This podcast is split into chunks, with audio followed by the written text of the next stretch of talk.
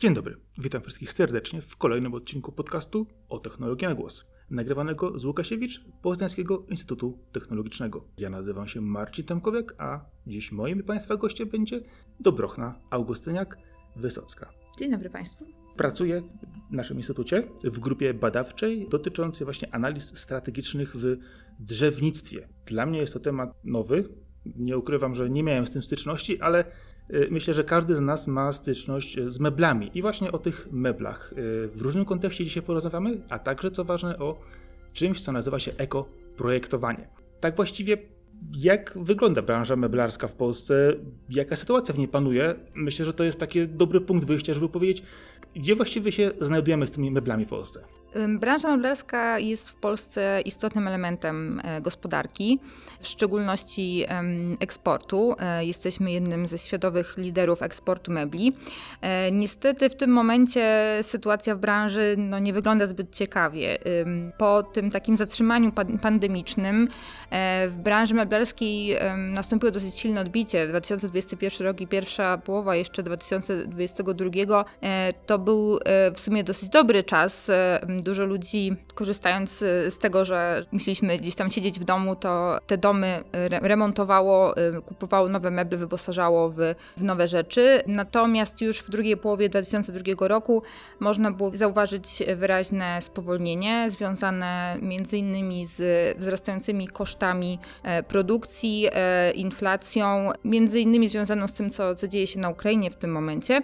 No i myślę, że tutaj to jest teraz taki moment, że wszyscy czekają, aż, aż trochę ta, ta inflacja się skończy, ale, e, ale ona jeszcze może z nami jakiś czas zostać. Mm, jeśli chodzi o trendy, to takie już bardziej może powiedzmy wzornicze, które, które panują na rynku, no to należałoby wspomnieć no, w pierwszej kolejności może właśnie o tym, co się, co się wydarzyło w związku z pandemią. E, bardzo wiele ludzi zaczęło pracować w domu, więc te meble do wyposażenia home office stały się coraz bardziej dostępne na rynku także taki trend e, nazywany z języka angielskiego cocooning, czyli takiego otulenia się, tak? Miękkie materiały, jakieś e, koce, właśnie takie obicia, przyjazne, przytulność. To, to było coś e, bardzo ważnego, co zapewniało nam pewne poczucie bezpieczeństwa w takich niepewnych czasach i to cały czas się dziś utrzymuje.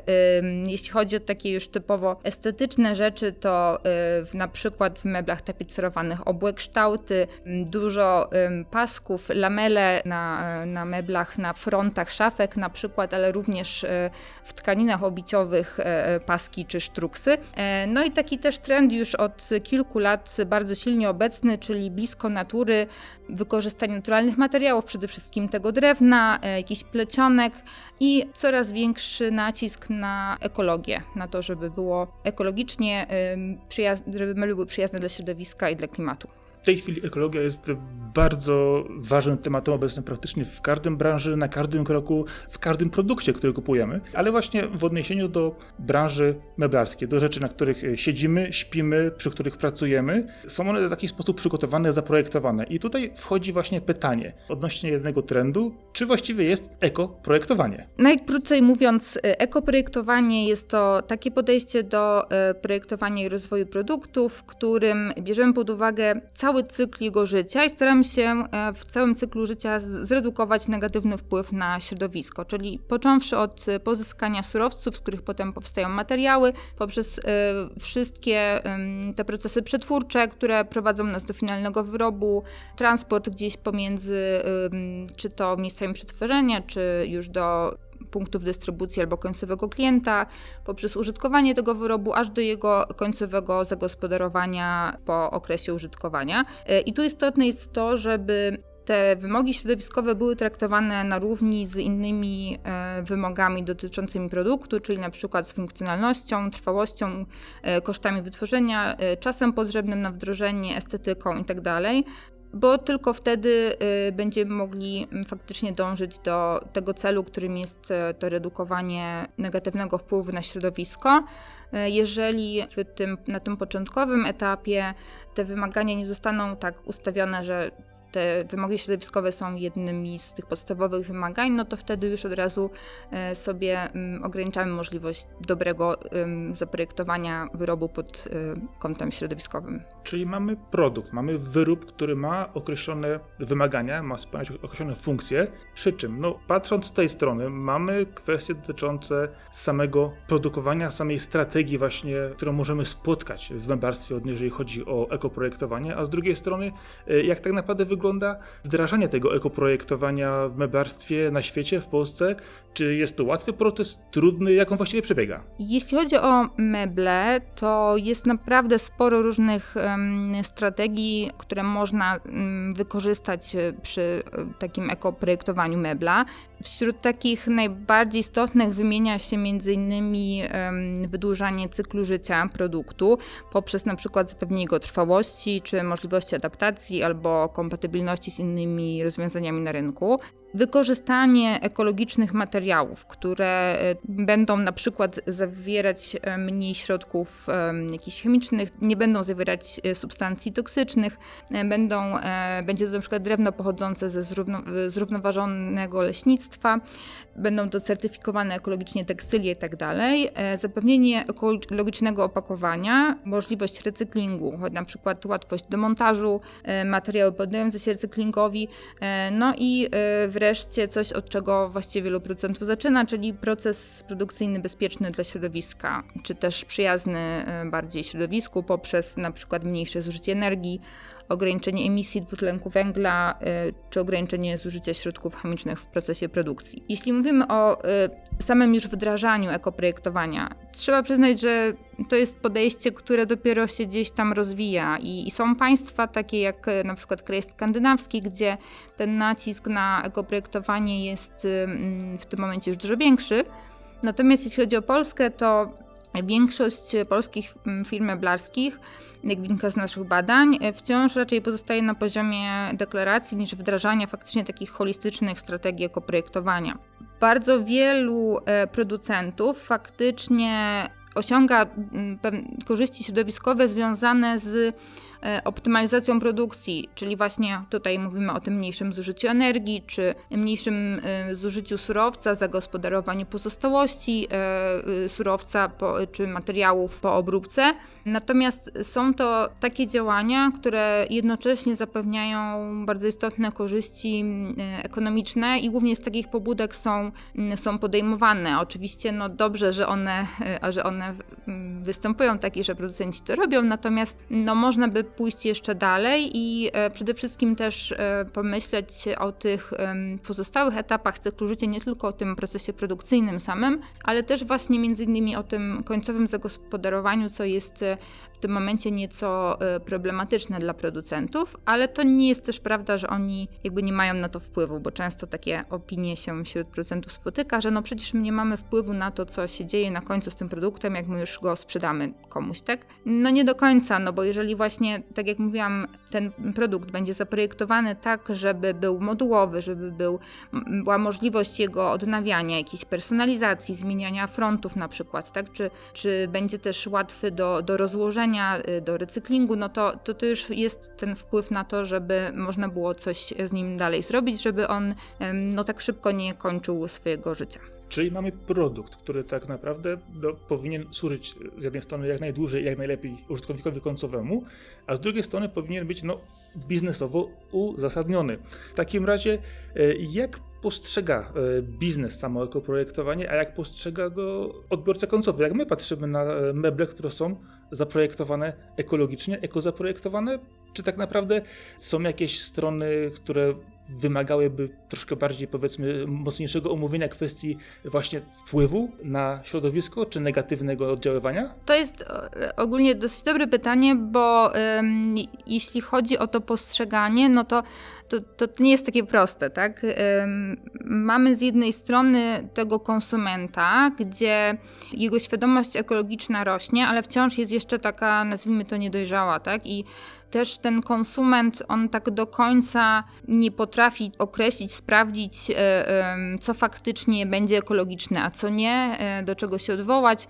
Ten konsument też, też się kieruje często takimi sprzecznymi troszkę motywacjami. To znaczy, z jednej strony on by chciał, żeby na przykład te meble były ekologiczne, ale z drugiej strony trudno mu zaakceptować wyższą cenę związaną z tym, że użycie na przykład jakichś naturalnych środków, na przykład jakichś naturalnych środków chemicznych tak y, pochodzenia naturalnego mogłoby być droższe niż, niż jakichś syntetycznych, a też nie jest często ten konsument gotowy na to, żeby o taki produkt naturalny bardziej dbać. To tak jak troszeczkę z podłogą e, drewnianą i podłogą z paneli, tak? No, z jednej strony chcielibyśmy mieć to drewno wokół siebie, z drugiej strony no, jesteśmy świadomi, że o tą e, podłogę drewnianą trzeba dbać zupełnie inaczej niż o te panele i ona wymaga więcej wysiłku, wymaga e, tej konserwacji, na którą nie każdy jest gotowy po prostu. I ten producent, patrząc na tego takiego niezdecydowanego konsumenta z jednej strony, a z drugiej strony też na dużą, dużą grupę konsumentów, która no, chociażby ze względów e, ograniczeń pewnych ekonomicznych nie jest w stanie sobie pozwolić na, na jakiś droższy ekologiczny produkt, no to on, on trochę jest w takiej kropce i, ym, i zastanawia się, czy warto w to wchodzić. Dla niego to też są wyższe koszty. Wyższe koszty związane chociażby z tym, że że ten proces rozwoju produktu on jest troszeczkę bardziej skomplikowany, bo dochodzi ten wymiar środowiskowy i ten wymiar środowiskowy wymaga po pierwsze dużych kompetencji. Potrzebujemy osób, które E, znają się na tym, w jaki sposób mierzyć ten wpływ na środowisko e, i potrafią korzystać z narzędzi ekoprojektowania, czyli tutaj no, tym takim bazowym to jest analiza cyklu życia LCA, ale, ale też z innych narzędzi, które można, można wykorzystać, które potrafią poruszać się w takich tych też sprzecznych, konfliktowych e, wymaganiach, bo to jest też trochę tak, że nawet jak już patrzymy na sam wpływ produktu na środowisko, to on on też zawiera w sobie wiele konfliktów, to znaczy możemy e, na przykład poprawić e, mm, wykorzystanie, e, zwiększyć wykorzystanie jakichś, e, materiałów e, z recyklingu w naszym produkcie, tak, i to jest e, no, dobre na środowiska, a z drugiej strony może się okazać, że, że akurat ten materiał z recyklingu, który wykorzystaliśmy, on jest jednak trochę mniej trwały niż ten materiał nie z recyklingu i wtedy długość życia tego produktu, ona się zmniejsza. No i teraz jak to, to trzeba jakoś wyważyć? No, y, gdzie ta, czy ten, ta korzyść będzie większa niż ten, y, niż ten minus, który się pojawi przy tym krótszym czasie wykorzystania tego produktu. Do tego też właśnie potrzeba, potrzeba kompetencji, a z drugiej strony tu też pewnie jeszcze potem do tego nawiążę, te metody pomiaru tego wpływu na środowisko, one wciąż też nie są doskonałe i, i tutaj one też wymagają ciągle rozwoju i no tak jak mówię, to nie jest, to nie jest proste. Jeszcze tutaj myślę, że warto taki wątek poruszyć. Producenci e, czasami boją się e, oskarżeń o greenwashing, no a konsumenci z kolei właśnie rozglądają się uważnie, czy ktoś czasami nie, e, nie deklaruje, że jest ekologiczny, a, a tak naprawdę nie do końca spełnia, spełnia te wymogi. No tutaj istotna rola jest jakiś zaufanych instytucji, które mogłyby chociażby no, certyfikować pewne y, produkty, y, w tym przypadku meble, y, gdzie mielibyśmy zaufanie, że faktycznie na przykład taki certyfikat pozwala stwierdzić, że ten mebel jest, no, został wyprodukowany, został wytworzony właśnie z, taką, z takim założeniem, że będzie bardziej, bardziej przyjaznym środowisku.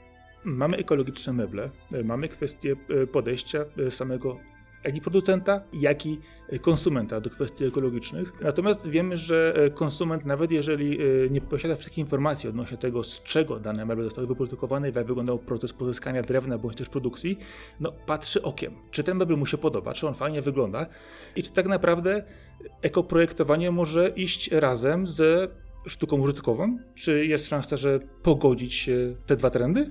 Myślę, że jak najbardziej może i że to się, to się dzieje po prostu. Tak, w momencie wyznaczania, tak jak mówiłam na samym początku, tej takiej e, przestrzeni dla, dla nowych rozwiązań, no projektant ma, ma kilka wymiarów, które mu tą przestrzeń ograniczają. Tak? Ma na przykład informację od producenta, że e, no, należy skorzystać z takiej z takiej technologii, ma informację, że te koszty powinny się zamknąć w jakimś tam pułapie. Ma informację, że tutaj właśnie na przykład ten wymóg środowiskowy, no i też na przykład jakiś e, coś związanego z tym wymiarem estetycznym i to mu ogranicza w pewnym sensie tą przestrzeń, w której poszukuje tych, tych nowych pomysłów.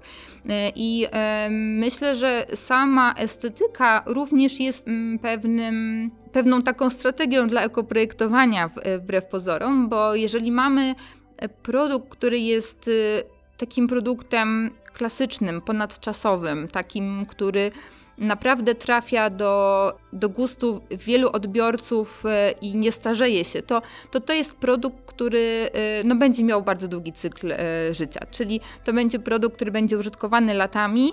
Oczywiście, jeżeli ma też odpowiednią trwałość, tak? Ale mm, to będzie produkt, który będzie przekazywany może nawet z pokolenia na pokolenie, bo, bo to będzie coś po prostu pięknego i ponadczasowego, więc to też jest jakaś strategia. Czyli mamy produkt, który no, czy jest to nowy, y, czy troszkę starszy, no raczej nie będzie, nie będzie to sofa po babci, ale y, kto wie, może tak eko zaprojektowane miejsce do siedzenia, no z czasem rzeczywiście zostanie pamiątką w rodzinie. Y, ale w takim razie pytanie z drugiej strony. Mamy kwestię dotyczącą bezpośrednio samego tego ekoprojektowania i wracając jeszcze troszkę wcześniej, jak tak naprawdę je wdrożyć? To ja może jeszcze zacznę od tego, dlaczego warto, bo trochę mówiłam o problemach, e, a jeszcze chciałabym powiedzieć też, dlaczego, dlaczego warto wdrożyć. E, po pierwsze tak, z badań różnych naukowych, akurat no, nie przeprowadzonych w Polsce, ale w innych krajach wynika, że ekoprojektowanie może przyczyniać się do obniżenia kosztów, no może trochę, to może trochę rzadziej, ale, ale też, też jest to możliwe, yy, lub do wzrostu przychodów ale również do takich korzyści niefinansowych, do większej motywacji pracowników, którzy utożsamiają się y, no właśnie chociażby z jakimiś wartościami ekologicznymi do poprawy wizerunku firmy, do wzmacniania potencjału innowacyjnego i do poprawy relacji z interesariuszami w otoczeniu przedsiębiorstwa. E, no a jeśli chodzi o e, takie już motywatory bezpośrednie, no to bym tu zwróciła uwagę na trzy rzeczy. Po pierwsze właśnie na tą wzrastającą świadomość ekologiczną społeczeństwa i na zmiany w postawach konsumentów, którzy coraz częściej szukają właśnie jakichś produktów eko. I na politykę też Unii Europejskiej, która po pierwsze wprowadziła deklaracje środowiskowe produktu, do uzyskania których konieczne jest przeprowadzenie właśnie analizy cyklu życia życia produktu, czyli określenie e, wpływu na środowisko produktu w całym cyklu jego życia. Tak? Czyli jeżeli będziemy ekoprojektować, no to, mm, będzie, to, to, to LCA nam się będzie e, poprawiać jak również to, że mm, Komisja Europejska przymierza się do wprowadzenia nowej dyrektywy dotyczącej ekoprojektu, która ma zastąpić dyrektywę 2009-25 WE, która dotyczyła produktów związanych z energią do tej pory. Ta nowa dyrektywa ma, ma dotyczyć różnego rodzaju produktów, e, tam z pewnymi wyjątkami, właściwie ma wszystkie dobra mm, obecne na wspólnym rynku objąć i między innymi będą to też meble. I meble są w jednej z tych grup, dla których te wymogi związane z tą dyrektywą mają być sformułowane w pierwszej kolejności. Także y, no, warto już się, te, się też do tego przygotowywać, tak, że te meble będą musiały być coraz bardziej ekologiczne. No a jeśli chodzi już o samo wdrażanie i um, upowszechnianie. Um, no przede wszystkim ważny jest rozwój tych kompetencji w tym zakresie. Właśnie w zakresie oceny wpływu na środowisko, um, w zakresie wyboru między tymi różnymi e, strategiami, które czasami ze sobą gdzieś niosą pewne konflikty rozwój świadomości społeczeństwa jak najbardziej, ale także transparentna komunikacja biznesu z konsumentami. E, jeżeli ten konsument będzie no, czuł, że, że firma faktycznie transparentnie się z nim komunikuje, no to to też jego zaufanie będzie, będzie inne.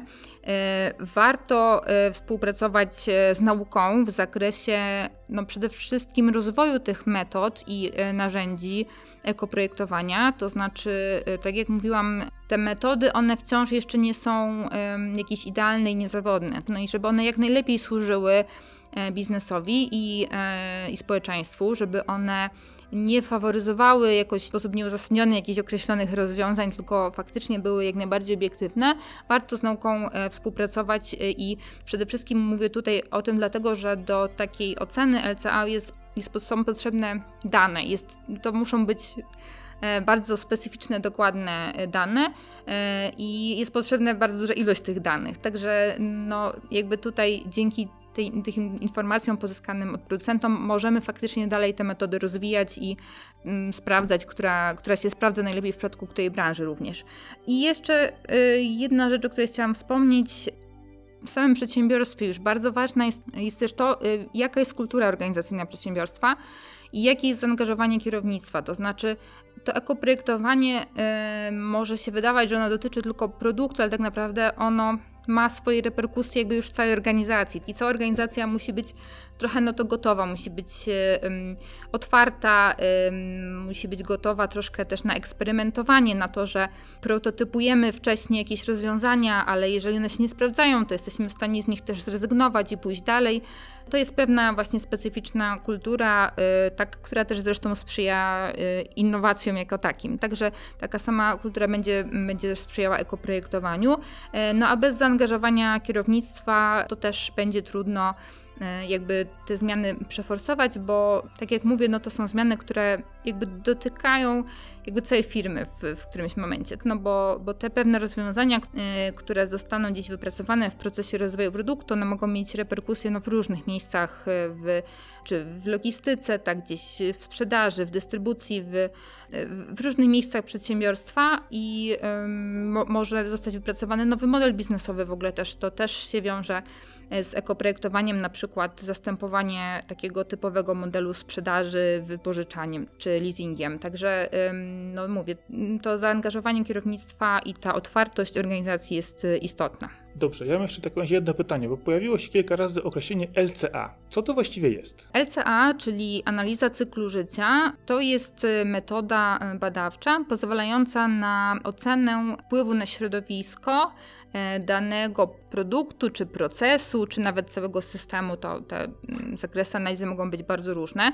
Generalnie ona służy mm, nawet nie do tego, żeby bezpośrednio powiedzieć, że, e, że jakiś tam produkt ma wpływ na środowisko X, tak? tylko bardziej do, do porównywania pomiędzy sobą różnych wariantów, na przykład produktów. Czyli mamy właśnie e, jakieś trzy różne warianty produktów i sprawdzamy, e, jak one, jaki one mają wpływ na środowisko w różnych wymiarach, tak? bo, bo w analizie LCA możemy wziąć pod, pod uwagę różne wymiary i tam między innymi są emisje dwutlenku węgla, zakwaszenie wód i dziura ozonowa i tam tam parę po prostu różnych innych, też wpływ, jakaś ekotoksyczność na, na zdrowie, tak, także tam, e, tam są różne kategorie i w ramach tych różnych kategorii możemy porównać, zobaczyć jak ten wpływ na środowisko wygląda i no i właśnie to jest przydatne, jeżeli mamy, y, mamy te kilka wariantów i, i, i czy tam kilka strategii różnych, które moglibyśmy przyjąć i, e, i tam występują właśnie te pewne konfliktowe sytuacje, czyli żeby zobaczyć jaki jest powiedzmy netto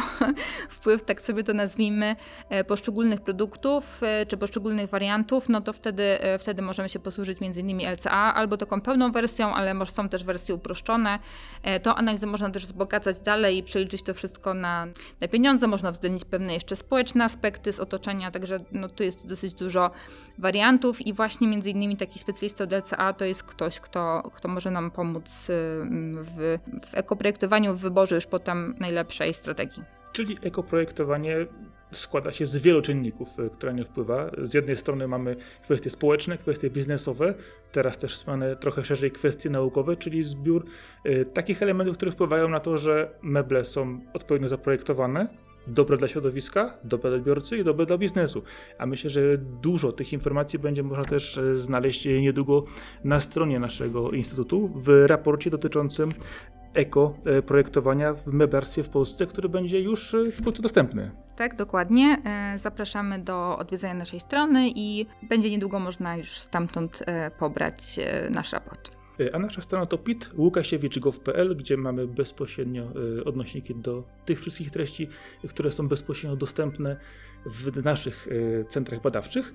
I myślę, że udało nam się dzisiaj e, dowiedzieć czegoś nowego, ciekawego dotyczącego no, dla mnie tematu zupełnie nowego, czyli ekoprojektowania mebli, które no, są fajniejsze dla odbiorcy, dla środowiska. I dzisiaj e, moim Państwa gościem była Dobrochna Augustyniak-Wysocka, która pracuje w naszym instytucie w grupie badawczej analiz strategicznych w drzewnictwie. Dziękuję bardzo za rozmowę. Dziękuję serdecznie za przybycie, dziękuję za wysłuchanie i zapraszam do kolejnego odcinka naszego podcastu o technologii na głos. Dziękuję bardzo.